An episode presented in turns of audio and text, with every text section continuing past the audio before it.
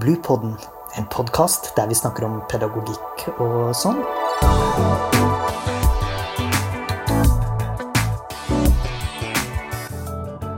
Podkasten er laget av barnehagelærerutdanninga ved Høgskolen på Vestlandet. Hei, og velkommen til podkast. Jeg heter Hilde Horsundsengen, og i dag så skal vi knuse myter. Og vi har med oss en gjest i studio, doktorgradsstipendiat Randi Høyland, som òg jobber på HVL. Velkommen. Takk for det. Veldig kjekt at du er her i dag. For du holder jo på å skrive en doktorgrad om flerspråklige barn. Hva var det egentlig som gjorde at du ble så interessert i dette temaet?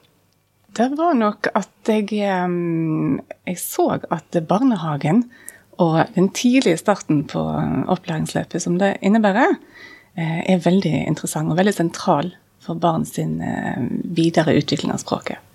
Og så er det også sånn at eh, samfunnet vårt, og i prinsippet alle kommuner i Norge i dag, har barn med flerspråklig bakgrunn. Så dette er veldig relevant for alle som eh, skal ha kontakt med barn i, i barnehagen. Mm, det er jo det. Og det vil jeg finne mer ut av. Kan, vil du si bitte litt om hva du holder på å forske på? Ja, jeg ser med et litt sånn overordna blikk på barnehagen som språklæringsarena. Eller som flerspråklig språklæringsarena. Mm. Eh, det vil si at um, Barn kommer i barnehagen i ulik alder og med ulik bakgrunn, og alle skal ha sin plass og skal bli møtt og støtta der de er i sin språklige utvikling. Så har jeg snakka med barnehagelærere, hatt intervju med dem, og så har jeg òg filma en typisk eh, språklæringssituasjon som pågår i barnehagen, altså bildebok, lesing og samtaler rundt det. Og så har jeg òg eh, snakka med barnehagelærere om sin egen praksis. Mm. Det er spennende. Ja, det er det. Er det lenge til vi ser noe på trykk? Ja. er det sånn det er i akademia, vet du? Det tar så lang tid. Det tar litt tid. Jeg har en studie, en artikkel, som er underveis nå, som forhåpentligvis kommer ut i løpet av høsten 2023. Mm. Ja, det krysser vi fingrene for. Ja, det er starten. Ja. Så får vi ta det deretter. Ja, og det er akkurat som du sier, det er et økt mangfold i barnehagen. Og jeg tror Statistisk sentralbyrå opererer med rundt 20 mm. i landsgjennomsnittet av minoritetsspråklige barn. Mm. Det er en ganske stor andel. Mm. Eh, og det har økt, ja. Og eh, det kommer litt an på du, hvordan du definerer minoritetsspråklig eller flerspråklig, som jeg liker å kalle det. da. Mm. Um, om en har begge foreldrene med en annen språkbakgrunn enn norsk, eller den ene. Om engelsk er med, eller om skandinaviske språk er med, mm. eller utenfor. Ja. Så sånn sett kan vi jo si at uh, veldig mange av oss har iallfall element av det å være flerspråklig. Det er jo en kompetanse og en ressurs som ligger der, og som jeg mener er viktig å sette søkelyset på òg i barnehagen. Mm. Og så har vi jo òg de nasjonale minoritetsspråkene. Ja, det har vi òg. Eh, de akkurat det holder jo litt utenfor i mitt prosjekt, men, eh, men, det er en del av den språklige, mangfoldige virkeligheten i, i Norge, som vi kanskje ikke tenker så mye over egentlig, men som viser at vi er vant til å omgås og forholde oss til å, og møte språklig variasjon i Norge. Mm. Og for de som er interessert i det, så har vi jo en tidligere podkastepisode med Øystein Vangsnes som handlet akkurat om samisk mm -hmm. i barnehagen. Så da er det mulig å høre på den. Men i dag så har vi tenkt å se litt på myter knyttet til det å være flerspråklig. Uh, og vi har jo gått ifra det som å være mer sånn enspråklig barnehagehverdag, til nå blir denne flerspråklige barne, uh, barnegruppene. Uh, og det er folk som har skrevet artikler og tatt opp disse mytene som da oppstår. For dette er jo et, et område som òg er litt preget av politikk og mm. kanskje hverdagsoppfatninger og andre ja. ting. Ja. Så Else Rien og Hanne Gram Simonsen har skrevet en veldig fin artikkel for de som er interessert i å fordype seg mer. Og det er noen av de mytene vi tar opp nå. Mm. Er du klar? Jeg er klar. Ja. Første myte. Eh, barn fra språklige minoriteter må snakke norsk hjemme helt fra de er små for å lykkes i skolen. Mm. Hva vil du si? Ja, um, det er jo klart at skolen ligger der og um, utøver et visst press på barnehagen. Det er klart det er viktig at vi utdanner og lærer opp unger til å klare seg i samfunnet i skolen. Men nå er det veldig mye belegg i forskning som viser akkurat det motsatte. da. At det beste for barns norskutvikling er at foreldrene snakker det språket de kan best med ungene sine. Og hvis ikke det er norsk, så skal en ikke da eh, legge vekt på å snakke norsk hjemme. Det er viktig for å få det eh, fundamentet for språkutvikling på språket som eh, ungene sammen med foreldrene eh, behersker best. Da får en eh, bedre begrepsforståelse, og eh, det er òg viktig for ungenes utvikling av identitet. Mm. At en får bygge videre på det som foreldrene og slekt og, og eh, de en er i familie med, kan og mestre. Mm. At du sørger for en kontinuitet eller en, en, sammenheng der. Ja, for ellers er jo faren for at det blir et veldig fattig språk. Hvis, det, ja.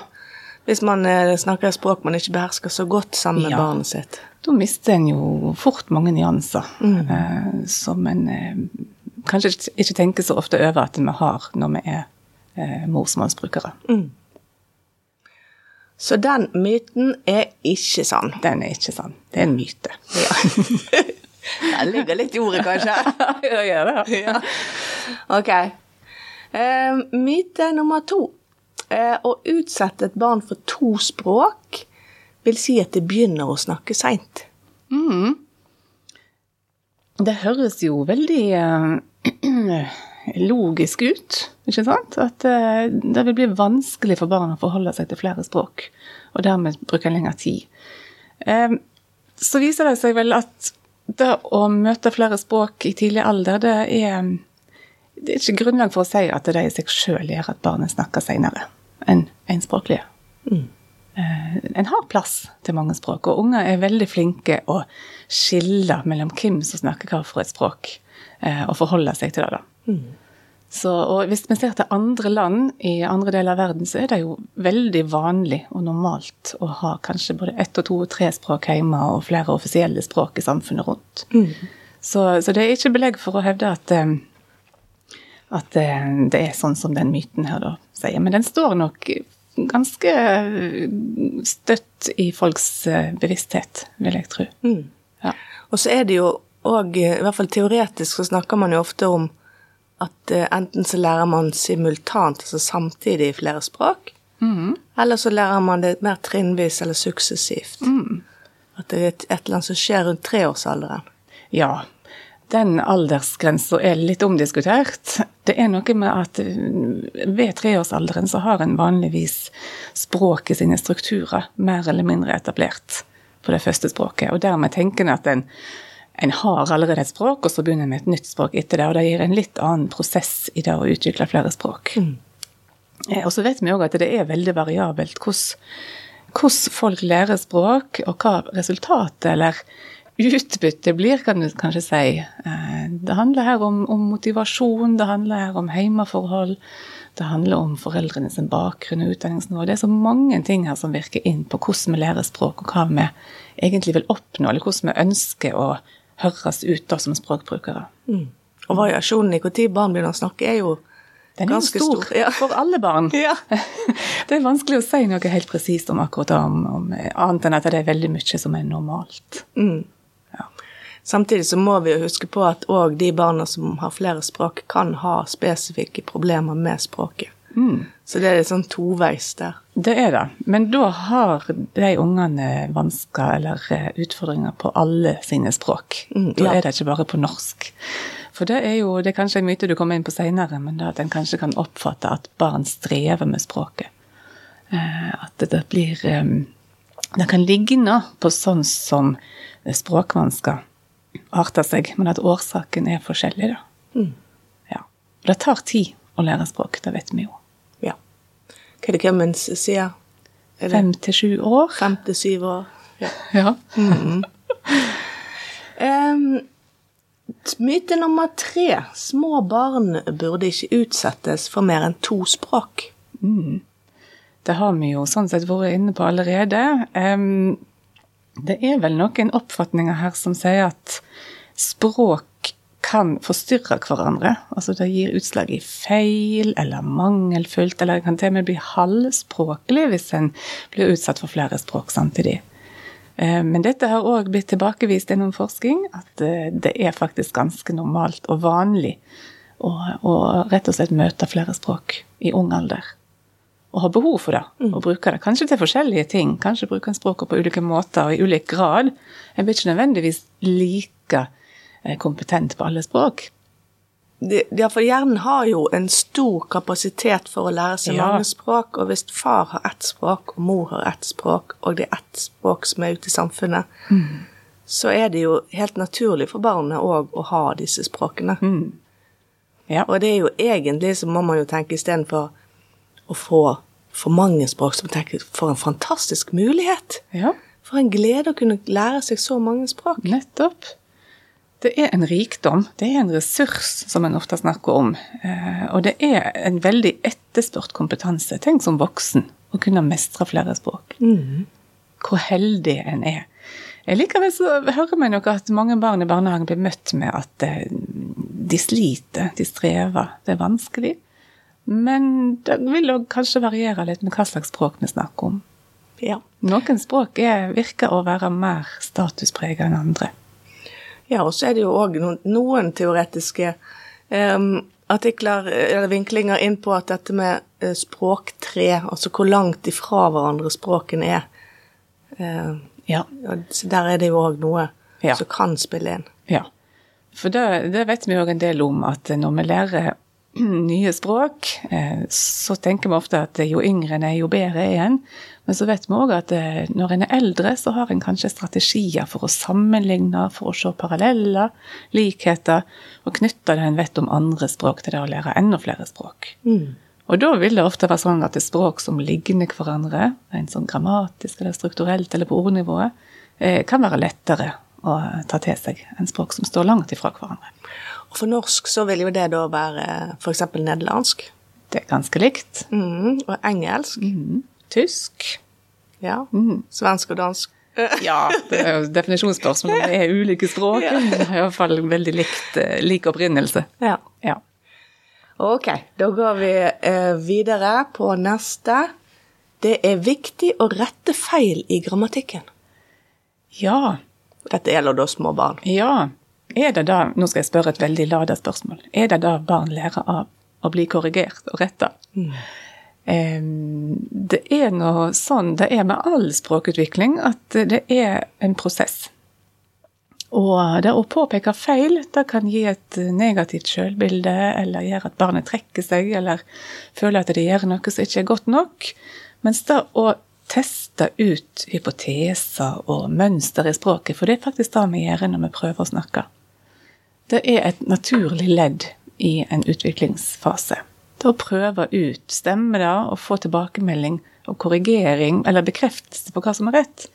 Eh, I språklæringsteorier så er det mer vekt på at du skal bekrefte og utvide, heller enn å påpeke feil. Mm.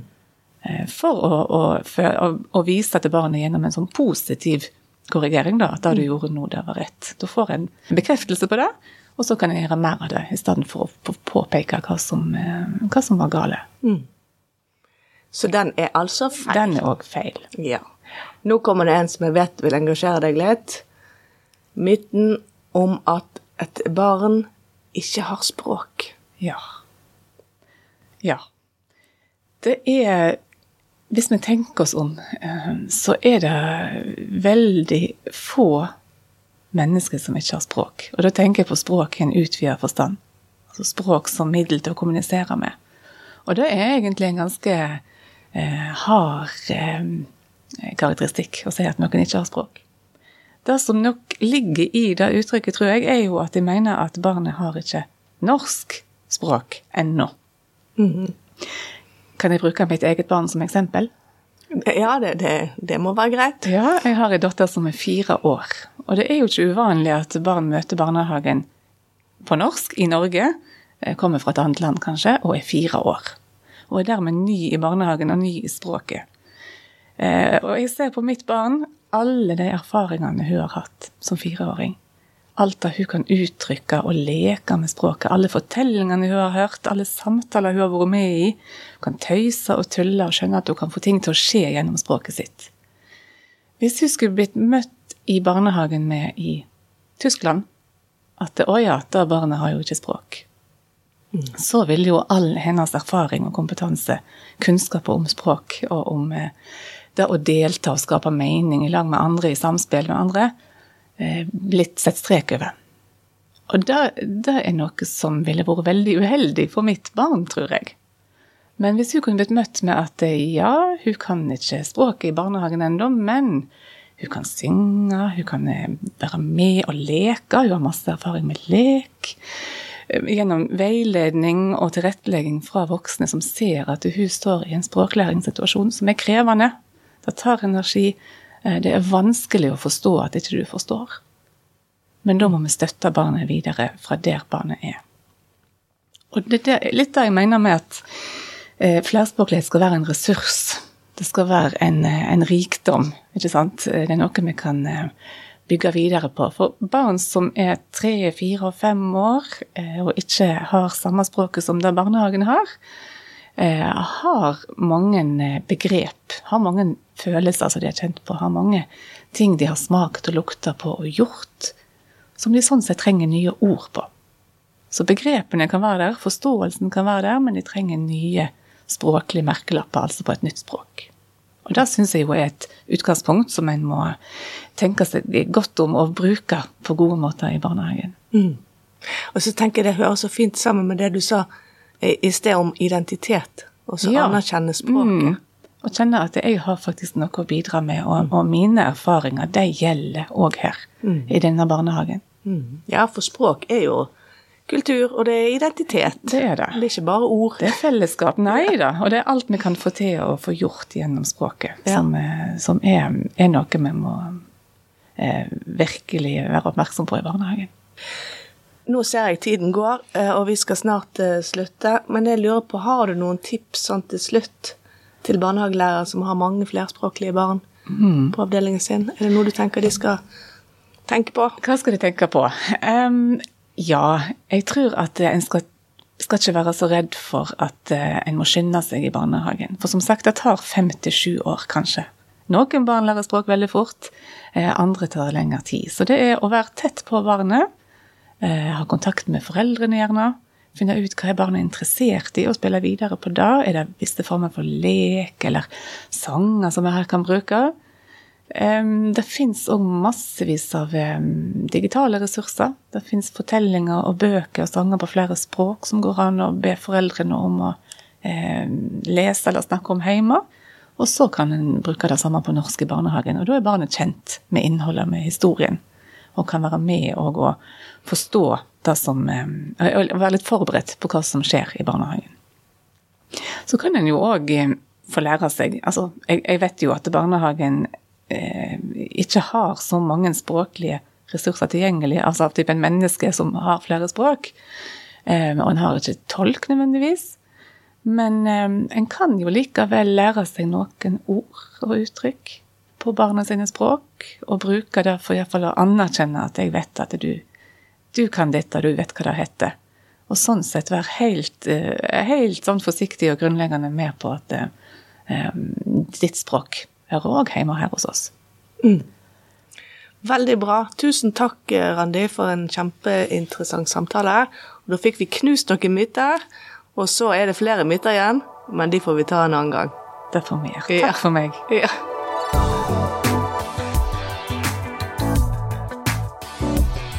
Podkasten er laget av barnehagelærerutdanninga ved Høgskolen på Vestlandet.